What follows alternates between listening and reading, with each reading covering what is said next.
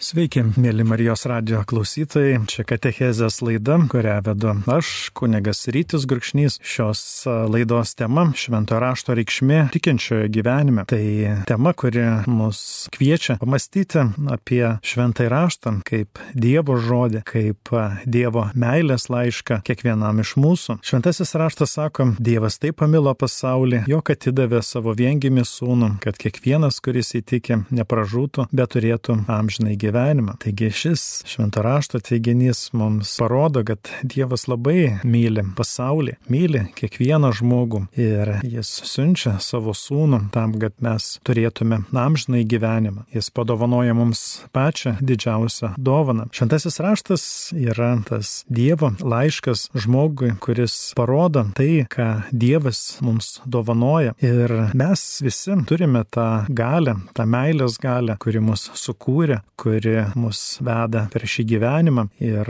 ta meilės gale padeda mums įveikti visas lygas, visas nesėkmes, netektis, visas kitas piktosios dvasios sukurtas kliūtis. Ta meilės neribota gale veikia visuose mūsų gyvenimo srityse, mūsų sveikatoje, mūsų santykiuose, mūsų šeimose, mūsų darbo vietose, mūsų tiksluose, planuose, projektuose. Taigi ta meilės gale, kuri mus sukūrė, kuri mus veda, jie moko mus peržengti pasaulio sukurtas ribas. Dievas pats peržengė visas ribas, ateidamas į šį pasaulį, praplėtė mūsų žmogiškas ribas ir jis mums dovanojo tokią galę, kuri leidžia mums kurti gyvenimą be jokių ribų. Tikrai šventajame rašte daug priminimų, daug tvirtinimų, kad Dievui viskas yra įmanoma. Jis mėgsta daryti stebuklus, jis mėgsta daryti tai, kas mums atrodo neįmanoma. Šventasis raštas sako, tai neįmanoma žmonėms, bet ne Dievui. Dievui viskas įmanoma. Šiais žodžiais Jėzus mums primena, kokią neribotą galę kiekvienas iš mūsų nešiojamės savyje. O apaštalas Paulius mums sako, nesekite šiuo pasauliu, bet pasikeiskite atsinaujindami dvasia, kad galėtumėte suvokti suvokti Dievo valią, kas gera, tinkama ir tobula. Apaštalas Paulius šiais žodžiais mums primena apie tai, kad krikščionis negali susitaikyti su tuo, ką jis turi, ką pasiekia, e, su ta situacija, galbūt ir vidutiniška arba sunkia situacija jo gyvenime. Krikščionis yra kviečiamas ir toliau mąstyti apie tai, kas gera, tinkama, tobula, apie tai, kas dieviška. Ir toks požiūris, toks tikėjimas leidžia daryti Dievui jo gyvenime stebuklus, daryti tai, kas žmogui atrodo neįmanoma. Kai kuriuos dalykus mes darome automatiškai, kaip savaime suprantamus. Atrodo, kad taip buvo visada, taip yra ir taip turėtų būti ir ateityje. Sakome, kad tai natūralu, įprasta, normalu, taip visi daro, taip ir mes turėtume daryti ir gyventi. Einame kas rytą į darbą, darbuojamės kaip visi, laukiame atlyginimo ir tai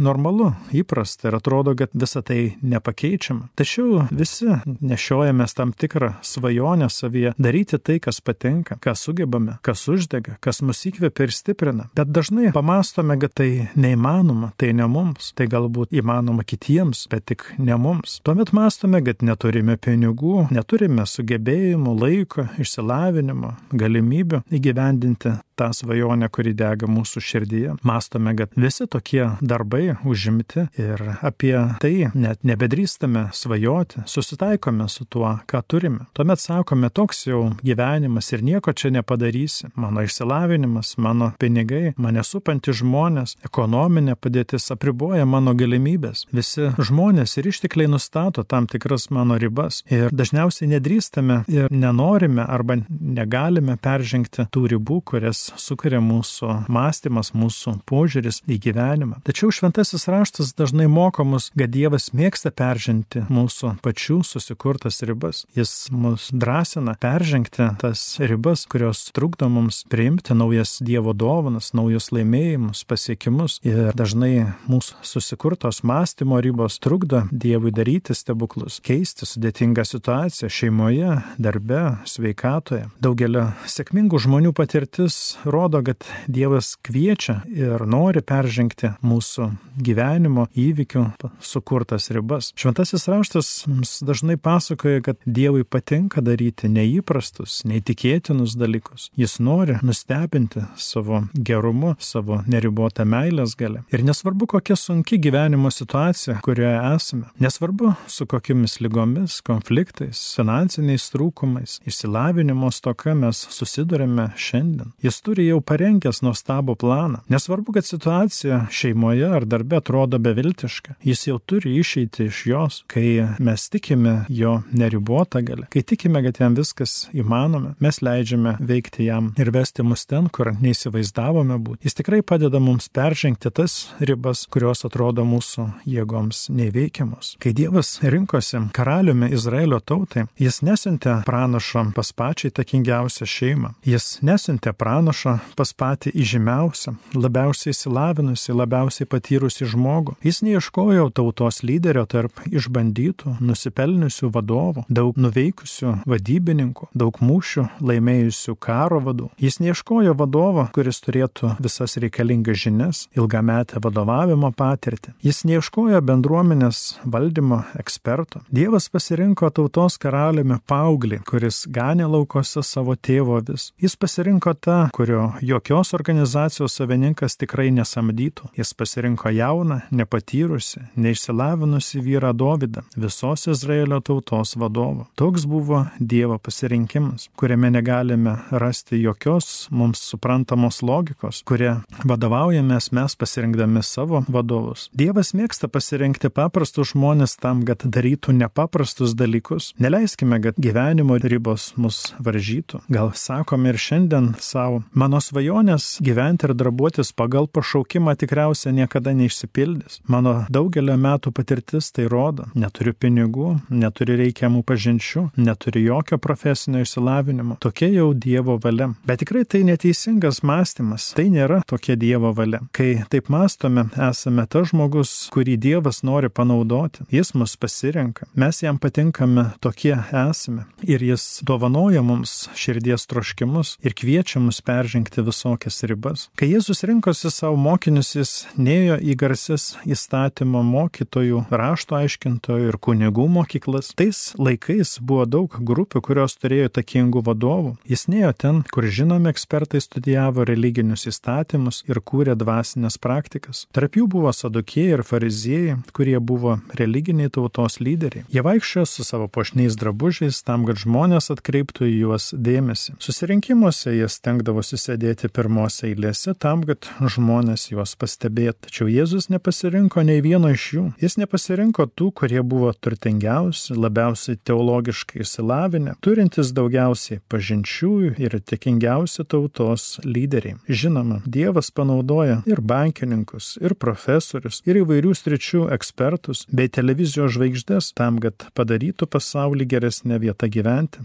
Visa tai reikalinga ir turtas, ir žinios, ir patirtis. Tačiau daug dažniau jis pasirenka paprastus žmonės. Jėzus pasirinko žvėją, mokesčių rinkėją. Jis ir šiandien pasirenka verslininkus, statybininkus, stalius, mokyklų mokytojus, paprastus darbuotojus, tam, kad darytų ypatingus dalykus. Kai Dievas pasirenka kunigus, jis retai pašaukia juos iš šeimų su giliomis religinėmis tradicijomis. Jis nesirenka tų, kurie jau turi daug reikiamų pažinčių ir daug vadovavimo patirties. Vienas pastorius vardu Jonas gyveno Amerikoje vienoje valstijoje ir pasakojo, kad jis buvo 17 metų išmestas iš mokyklos, kai jis pajuto pašaukimą tarnauti žmonėms kaip dvasinis vadovas. Jis neužaugo religingoje ir dvasingoje šeimoje. Jo tėvai buvo ūkininkai, kurie prarado visą santopą sunkiu laikotarpiu. Jonas neturėjo nei pinigų, nei išsilavinimo, nei pažinčių. Jis negalėjo svajoti apie kokią nors profesinę karjerą. Jis matė, kad jo gyvenimas nustatė jam tam tikras ribas, kurių peržengti jis nematė jokios išeities. Tačiau Dievas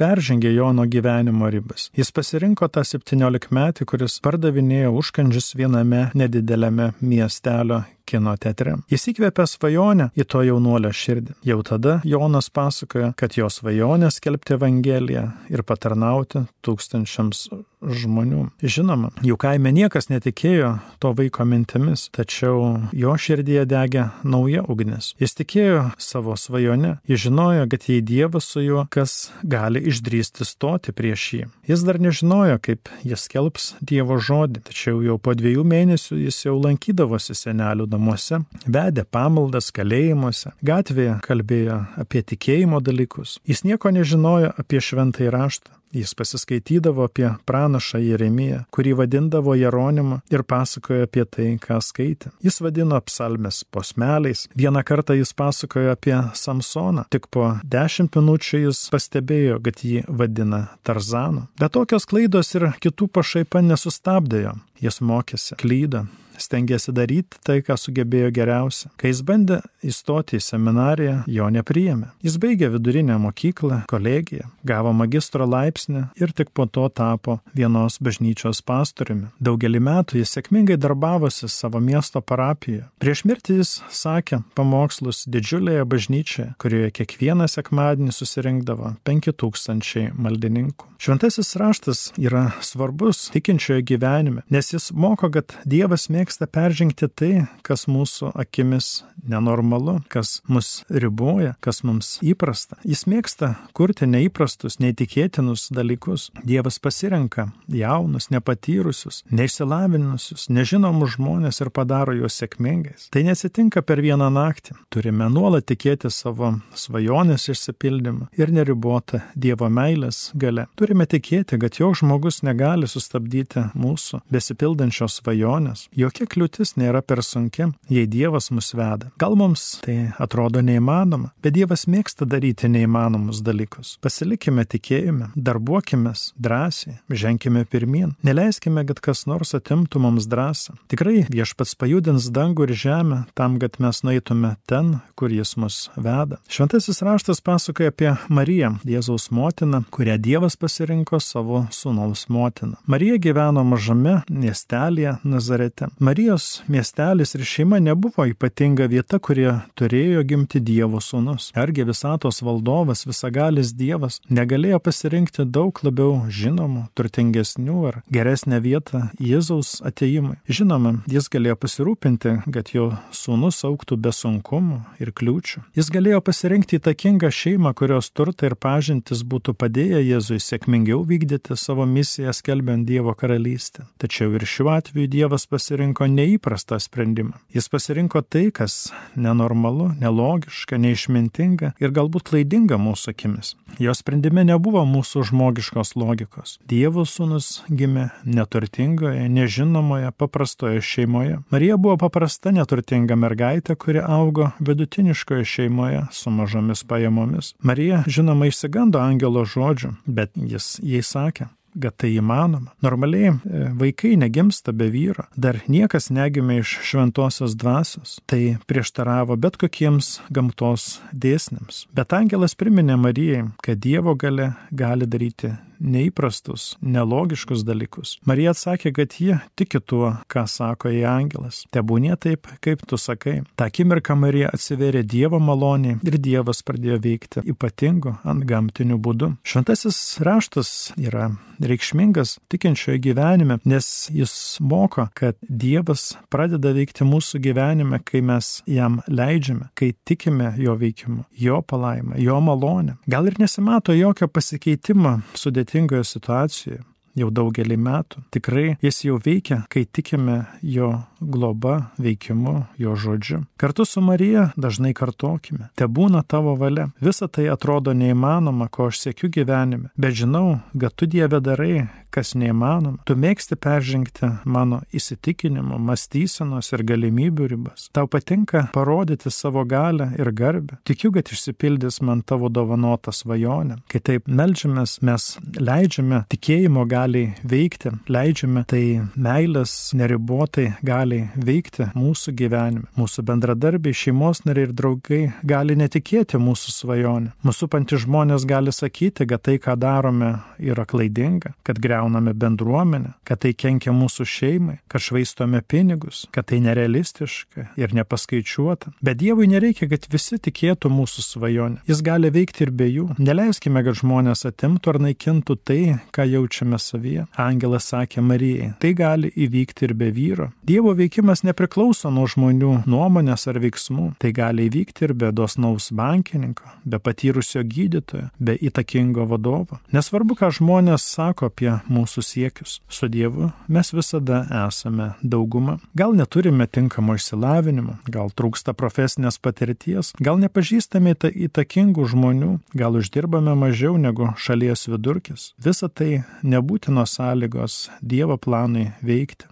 Psalmių knyga sako, juk ne iš rytų ir vakarų ateina pažeminimas ar paaukštinimas. Šventasis raštas sako, kad viską gauname iš mylinčios Dievo rankos. Ir paaukštinimas, ir pajamas, ir sveikata, ir ramybė, ir džiaugsmas ateina iš dangiškojo tėvo, kuris mus labai myli, mums kalba, mus veda ir padeda mums įveikti visas kliūtis. Kartais manome, turiu kaip nors patraukti tam tikrą žmogų į savo pusę, tam, kad galėčiau gauti paaukštinimą darbę. Turiu elgtis draugiškai su visais savo darbuotojais, nes kai juos prarasiu, sugris visa įmonė. Turiu pataikauti viršininkui, nes nuo jo priklauso mano atlyginimo dydis. Turiu taip daryti, nes šis noras, šis e, nemėgstamas darbas užtikrina visą mano šeimos gerovę. Žinoma, visada reikia palaikyti draugiškus ir gerus santykius su kitais. Tačiau Tačiau turime prisiminti, kad mūsų sėkmė, mūsų šeimos gerovė, mūsų paaukštinimas, mūsų gyvenimo pilnatvė priklauso ne nuo viršininko ir ne nuo darbuotojų, ne nuo bendradarbių ar nuo tam tikro darbo. Turime nuolat kartoti, Dieve, tu dovanoji man šį troškimą ir jis tebe gyvas mano širdėje. Žinau, kad tu padarysi į tikrovę. Nesvarbu, kad neturiu išsilavinimo, pažinčių, rėmėjų. Tikiu, kad tu nori ir darai neįprastus dalykus. Tu nori peržengti visas mano ribas, trūkumus. Tavęs nevaržo mano silpnybės ir klaidos. Šiandien šios katechezės laidos metu kalbame apie šventojo rašto reikšmę tikinčio žmogaus gyvenime. Taigi šis meilės laiškas, kurį mes skaitome, kurio klausomės, iš kurio mokomės ir semėmės stiprybės, jis veikia visose mūsų gyvenimo srityse ir kviečia peržengti mūsų arba pasaulio sukurtas ribas ir leisti Dievui daryti tai, kas mums atrodo neįmanoma. Kartais žmonės mus apkalba, mus kritikuoja, mus gazdina, sakydami, tu darai didžiulę klaidą, tu greuni tai, ką mes statėme per daug metų. Tai nesakingas, neapgalvotas planas ir elgsena. Tokios jų kalbos labai normalus reiškinys, kai mes bandome daryti kažką naujo, didingo, neįtikėtino, kai stengiamės panaudoti tikėjimo galą galę ir neribotą meilės galę, kuris lypi kiekviename iš mūsų. Mūsų didelės svajonės, dideli projektai, drąsi vizija išjudina nesėkmingus, nelaimingus, nedrasius, pavargusius, piktus žmonės. Tokios mąstysenos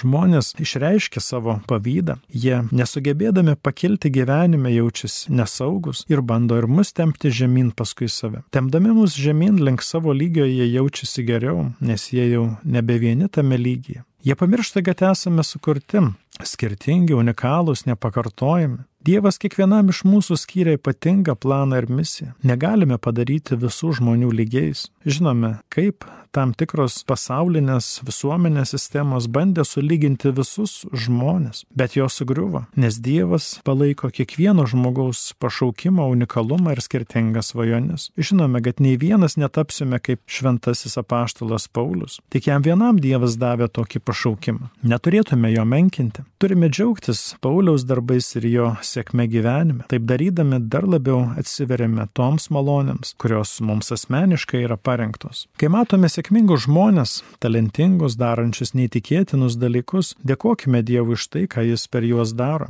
Nepavydėkime jiems sėkmės, talentų, galimybių. Džiaukime kartu su jais. Nebandykime jų žeminti palaikykime juos. Prisiminkime Mariją, kuri tapo nešia dar negyvendama su savo vyru.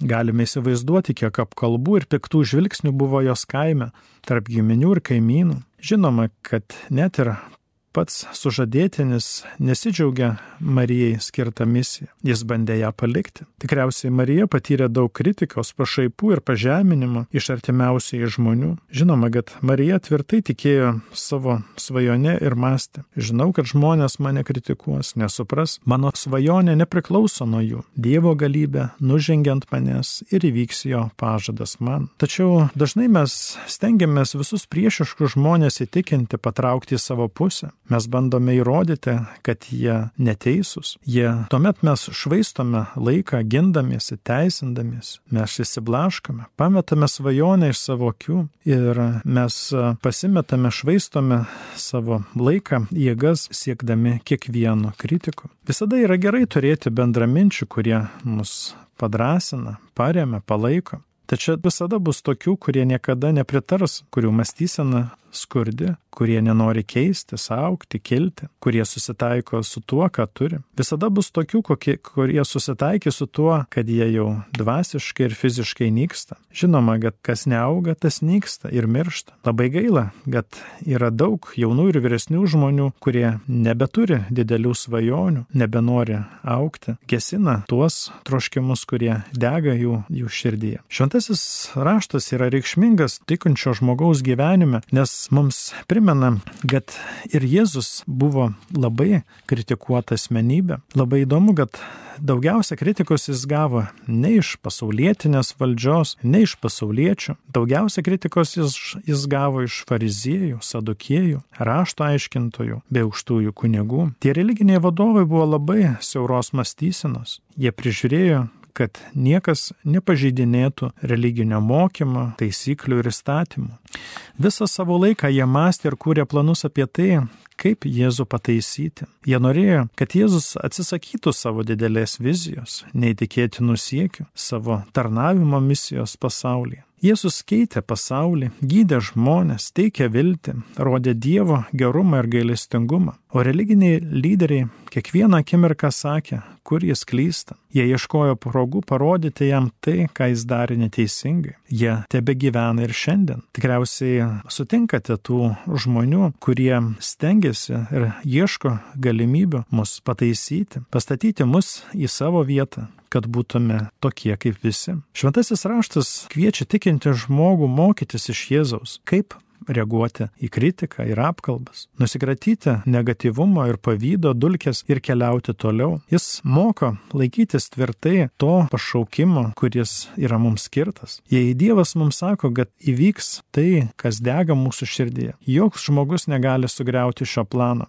Neleiskime, kad kas nors mums sutrukdytų pasiekti tai, ką, kas dega mūsų širdyje. Moteris žino, kad skausmai tuo didesni, kuo arčiau yra kūdikio gimimo akimirka. Panašiai ir gyvenime mūsų apkalbos, kritika, pašaipos būna didesnės, kuo arčiau svajonės išsipildymo esame. Mus supantis žmonės kanda kabutėse skaudžiai, kai mato, kad mūsų planas netrukus taps labai sėkmingas. Mūsų sielos priešas mus atakuoja labiausiai, kai mato, kad kažkas nuostabaus turi vykti mūsų gyvenime. Labiausiai jis mus atakuoja, kai pasiryštame siekti didelių svajonių, išsivaduoti iš priklausomybės, parodyti daugiau pagarbos savo sutoktiniui, labiau suprasti savo vaikus, daugiau aukoti bažnyčiai, skirti daugiau laiko patarnauti vargstantiems. Jis nestato didelių kliūčių kliūčių, jei susitaikome su tuo, ką turime, ką darome. Mūsų sielos priešas mus atakuoja labiausiai, kai mes siekiame aukti dvasioje, tapti dosnesniais, labiau tarnaujančiais, labiau atleidžiančiais, kai siekiame didesnių dalykų įvairiuose gyvenimo srityse. Kartais mes klausime savęs, kodėl man trūksta pinigų, kodėl seniai vargstu su šia lyga, kodėl nesiseka atsikratyti priklausomybės, gal Dievas manęs nemyli ir negloboja. Tai ženklas, kad sielos priešas mato, kaip Dievas mus myli. Jis mato, kad dar daug nuostabių dalykų mums yra parengta. Priešas tengiasi padaryti viską, kad to nesiektume ir kad to nepriimtume. Jis nori, kad to nesiektume ir atsisakytume savo svajonių. Jis siunčia negatyvius žmonės, nesėkmes ir kitas kliūtis, nes jis nori, kad ir toliau vargtume, su finansiniais, sveikatos, šeimos sunkumais. Jis nori, kad neturėtume ramybės, džiaugsmo ir drąsos gyvenime. Šventasis Ignacas Lojola ir kiti dvasiniai mokytojai moko mus atskirti Dievo ir piktojo veikimą gyvenime. Tokiamis sunkiomis akimirkomis turime kartoti. Man labai sunku dabar, žmonės mane apkalba, padariau daug klaidų ir neteisingų sprendimų. Tiek daug visokių kliūčių darbe, šeimoje irgi viskas griūva. Bet tai dar viena Dievo duota diena. Šios dienos sunkumai parodo, kad manęs laukia Dievo palaima, palankumas, paaukštinimas. Žinau, kad arti mano svajonės išsipildymas. Tikriausiai panašiai meldėsi ir Marija susidurdama su sunkumais ir atstumimu Betlėjuje. Ji žinojo, kad visos tos negandos reiškia, kad kažkas nuostabaus turi įvykti. Ji žinojo, kad niekas negali sugriauti Dievo plano mūsų gyvenime. Visada prisiminkime, kad kuo daugiau sunkumų, pasipriešinimo ir skaudžių akimirkų, tuo arčiau esame to, ką Dievas mums nori duoti. Gal kai kas iš jūsų svajojate, kad visi šeimos nariai tikėtų Dievą, šlovintų jį sekmadienį, tarnautų jam gyvenimo per visą savaitę. Tačiau matome, kad kai kurie šeimos nariai vis labiau tolsta nuo tokio kelio. Tai reiškia, kad jūsų svajonės išsipildymas arti. Nesisakykite savo didelių siekių, kai sunku, nes tokiomis akimirkomis esame arčiausiai tikslo. Gal jau daug metų vargstate su lyga, skausmai vis labiau didėja, jūs savo mintise sakote, nepasveiksiu, nes niekas šeimoje nepasveiko šios paveldimos lygos. Prisiminkite, kad galite būti pirmas, kuris tai įveiks, juk šventasis raštas sako, kad Dievas mėgsta daryti tai, kas neįprasta. Kai kas sako, visi gydytojai ekspertai man jau pasakė, kad nėra gydimo šiai lygai. Bet tikrai tai tik gydytojų diagnozė. Dievas visada taria paskutinį žodį. Jis neprivalo įtikinti visų gydytojų, kad jis turi išgydymą. Dievo plano išsipildymas nepriklauso nuo žmonių, jis gali gydyti ir be gydytojų. Kiti sako, norėčiau pradėti naują veiklą, naują verslą, bet jau daug metų negaliu gauti paskolos. Nepamirškime, kad Dievas gali ir kitais būdais vesti jūs, jūs į svajonės išsipildymą. Prieš keletą metų viena bažnyčios lankytoja man pasakojo, kad prieš 30 metų ji sirgo kepenų vėžių. Gydytojai paleido ją namo, nebegalėdami jai padėti, tačiau ji atsisakė patikėti gydytojų diagnozę. Ji skaitė šventąją raštą ir žinojo ir jautė, kad Dievo diagnozė kitokia. Po daugelio metų ji šiandien sveika ir stipri, tarnaujanti bažnyčiai, skiria daug laiko, jėgų ir patirties, gydydama kitus sergančius žmonės. Gal jūs atleido iš darbo, gal jums nepavyko gauti paaukštinimo, kurio tikėjotės, gal geras draugas jūs išdavė, pamiršo, gal sutoktinės išėjo ir nutraukė bet kokius santykius. Žinokime, kad tokiomis skaudžiamis akimirkomis Dievas eina kartu su mumis ir daro tai, ko niekada nesitikėjome. Jis mėgsta daryti neįtikėtinus dalykus. Kai auginame gėlis, mažuose induose žinome, kad reikia persodinti gėlę. Persodinimo metu pažeidžiame gėlės šaknų galūnės ir pristabdome gėlės augimą. Bet jei nepersodintume, tuomet gėlė ilgai neišgyventų. Kartais ir mus supanti bendruomenė, organizacija, įmonė, bendrovė, asociacija ar būna per maža mums aukti. Gal mūsų mokymosi vieta pasidaro per ankšta mūsų svajonė. Kartais Dievas paima mus ir patraukia iš tam tikros organizacijos. Turime pasitraukti, nes supantys žmonės kartais mus apriboja. Žinoma, darbo praradimas ar narystės netekimas yra skausmingas procesas. Gal ir nemalonus pasitraukimas iš darbovietės ar bendruomenės. Bet Dievas tikrai nenori, kad gyventume ir vargtume toje vietoje, kur negalime atskleisti visų savo talentų, visos savo energijos ir kurti geresnį pasaulį. Jis mus traukia ten, kur galėtume aukti ir daryti nuostabius dalykus. Taip darydamas Dievas kartais mus veda į naują maldos grupę, jis kviečia kurti mus naują krikščioniško gyvenimo bendruomenę, jis drąsina įkurti naują verslo įmonę, Dažnai mes esame kviečiami pasitraukti iš tam tikros vietos tam, kad atsivertume dar didesniems Dievo dovanoms ir leistume jam dar labiau darbuotis. Kartais jaučiame, kad visos durys užsidaro, pro kurias mes bandome eiti pagal savo siekius. Kartais Dievas pats uždaro prieš mus tas duris tose organizacijose, kurios mums per mažos. Jis nori padidinti mūsų viziją. Jis veda mus ten, kur mes galėtume savo talentus, patirtį ir sugebėjimus dar labiau panaudoti. Jis mus veda ten, kur mes niekada neįsivaizdavome būti. Vienas pastorius ieškojo tuščio žemės lopinėlio mieste naujos bažnyčios statymui, nes į seną nebetilpdavo, viskas buvo parduota, kiti buvo per brangus. Toje beviltiškoje situacijoje jis tikėjo, kad Dievas tikrai uždarė visas duris, nes rengė kažką nuostabaus. Po trejų metų tokio vargo kai kurie kalbėjo, kad jis turėtų atsisakyti šios svajonės ir keltis į kitą miestą, nes Dievas jų nelaimina ten. Tačiau pastorius tikėjo. Staiga jie sužinojo, kad miesto sporto arena parduodama. Jie nusipirko ją labai pigiai. Patys negalėjo patikėti, kad miesto valdžios atstovai nusprendė tai padaryti. Taigi Dievas mėgsta daryti neįtikėtinus dalykus. Jie ieškojo žemės lopinėlio statybai, o gavo visą įrengtą areną. Šventasis raštas yra svarbus tikinčio žmogaus gyvenime, nes moko, kad Dievas didesnis už mūsų išsilavinimą, už mūsų patirtį, už mūsų galimybės, už mūsų banko sąskaitą, už gydytojų diagnozę, už mūsų šeimos problemas. Gal ir labai ribotos mūsų galimybės dabar, tačiau prisiminkime, kad Dievas specializuojasi neįtikėtinų, neįmanomų projektų vykdyme. Jis mėgsta daryti tai, kas nenormalu, nelogiška, nepaskaičiuota. Maldoje kartokime, mano siekiai nepriklauso nuo kitų žmonių nuomonės. Dabartiniai sunkumai rodo, kad netrukus įvyks kažkas nuostabaus, neįtikėtino, didingo. Dieve, tu pasirenki paprastus žmonės tam, kad darytum nepaprastus dalykus. Geriausios mano dienos dar ateityje. Su Marija kartoju. Te būna taip, kaip tu sakai kaip tu nori. Tikiu tavo dovanotą svajonę, nes tau nėra negalimų dalykų. Tikrai visi galime kilti aukštyn, Dievas neturi jokių ribų, jo gale begalinė, jo gerumas beribės. Kai mes paklūstame jo vedimui, kai klausome jo balso, jis darbuojasi mūsų geroviai. Mes patiriame daugiau teigiamų pokyčių šeimoje, darbe, sveikatoje. Net ir mažuose dalykuose turime jo klausyti ir keistis.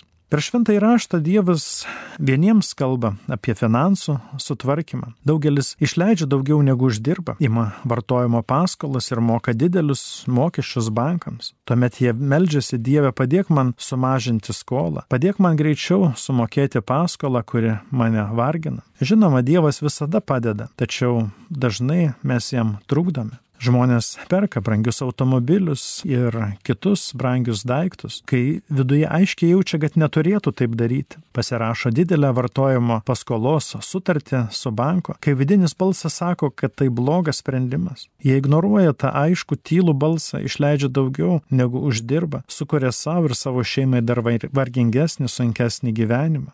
Jei norime išvengti daugiau problemų, Turime dažniau skaityti šventąjį raštą, įsiklausyti Dievo balsą ir jam paklusti. Šventasis raštas yra reikšmingas tikinčio žmogaus gyvenime, nes jis padeda jam kurti ramesnį, laimingesnį, sveikesnį ir turtingesnį gyvenimą. Per šventąjį raštą Dievas daugelį sako, tu turėtum taupyti, kad turėtum bent trims mėnesiams iš ko pragyventi netekus darbo. Tai puikiai žinai, o ką darai. Turime padaryti savo dalį tam, kad jis toliau tvarkytų Dažnai sąžinė jaučiame, kad pirkome tai, ko mums nelabai reikėjo, didinome skolas, klausėme emocijų, o ne Dievo balso. Turime skaityti ir klausyti Dievo žodį kasdien, ne tik sekmadieniais. Tuomet mes nesusikursime tiek daug problemų savo finansuose, savo sveikatoje, savo santykiuose, savo darbo vietoje. Mokykime iš šventojo rašto, kuriame slypia labai gausi Dievo išmintis, kuriame slypia atsakymai į visas mūsų problemas, kuriame slypia gydanti Dievo gale. Vykdykime tai, ką moko šventasis raštas, netidėliokime. Prisiminkime, kad blogi įpročiai įsišaknyja. Dievas duoda mums praktiškus patarimus ir jis moko mus taupyti laiką, susidėlioti dienotvarkę ir prioritetus. Kitus jis moko keisti požiūrį į darbą, gerbti bendradarbius, atvykti į darbą laiku, atsikelti anksčiau. Kitiems Dievas sako, sustiprink ir pagerink savo santykius su šeimos nariais, su savo kaimynu, su savo verslo partneriais. Nuo to priklauso tavo profesinė ateitis. Netidėliok, neieškok pasiteisinimų. Taigi Dievo žodis moko mus atrasti, kokie dalykai yra svarbus ir ką turime keisti, kam turime atleisti, ko turime paprašyti atleidimo. Dievas tikrai gali mus vėl atnaujinti, sustiprinti ir vesti mus pačiu geriausiu keliu. Jis nori, kad nebūtume užstrigę, kad mažiau vargtume. Jis nori, kad kiltume ir būtume laimingi. Taigi šventasis raštas kaip Dievo laiškas, meilės laiškas žmogui yra skirtas tam, kad mes kurtume laimingą, turtingą, sėkmingą, sveiką, šventą, ilgą ir ramų gyvenimą, kuriam esame pašaukti. Tai buvo Katechezės laida, tema švento rašto reikšmė tikinčio žmogaus gyvenime. Ja vedžiau aš, kunigas Rytis Gurkšnys. Dėkoju, kad klausėtės, linkiu jums visiems ir toliau kuo dažniau skaityti šventąjį raštą, apmastyti, taikyti taikyti savo gyvenime, tikėti jo neribotą galę ir leisti Dievo žodžiui veikti visose jūsų gyvenimo srityse. Te laimina jūs Dievas.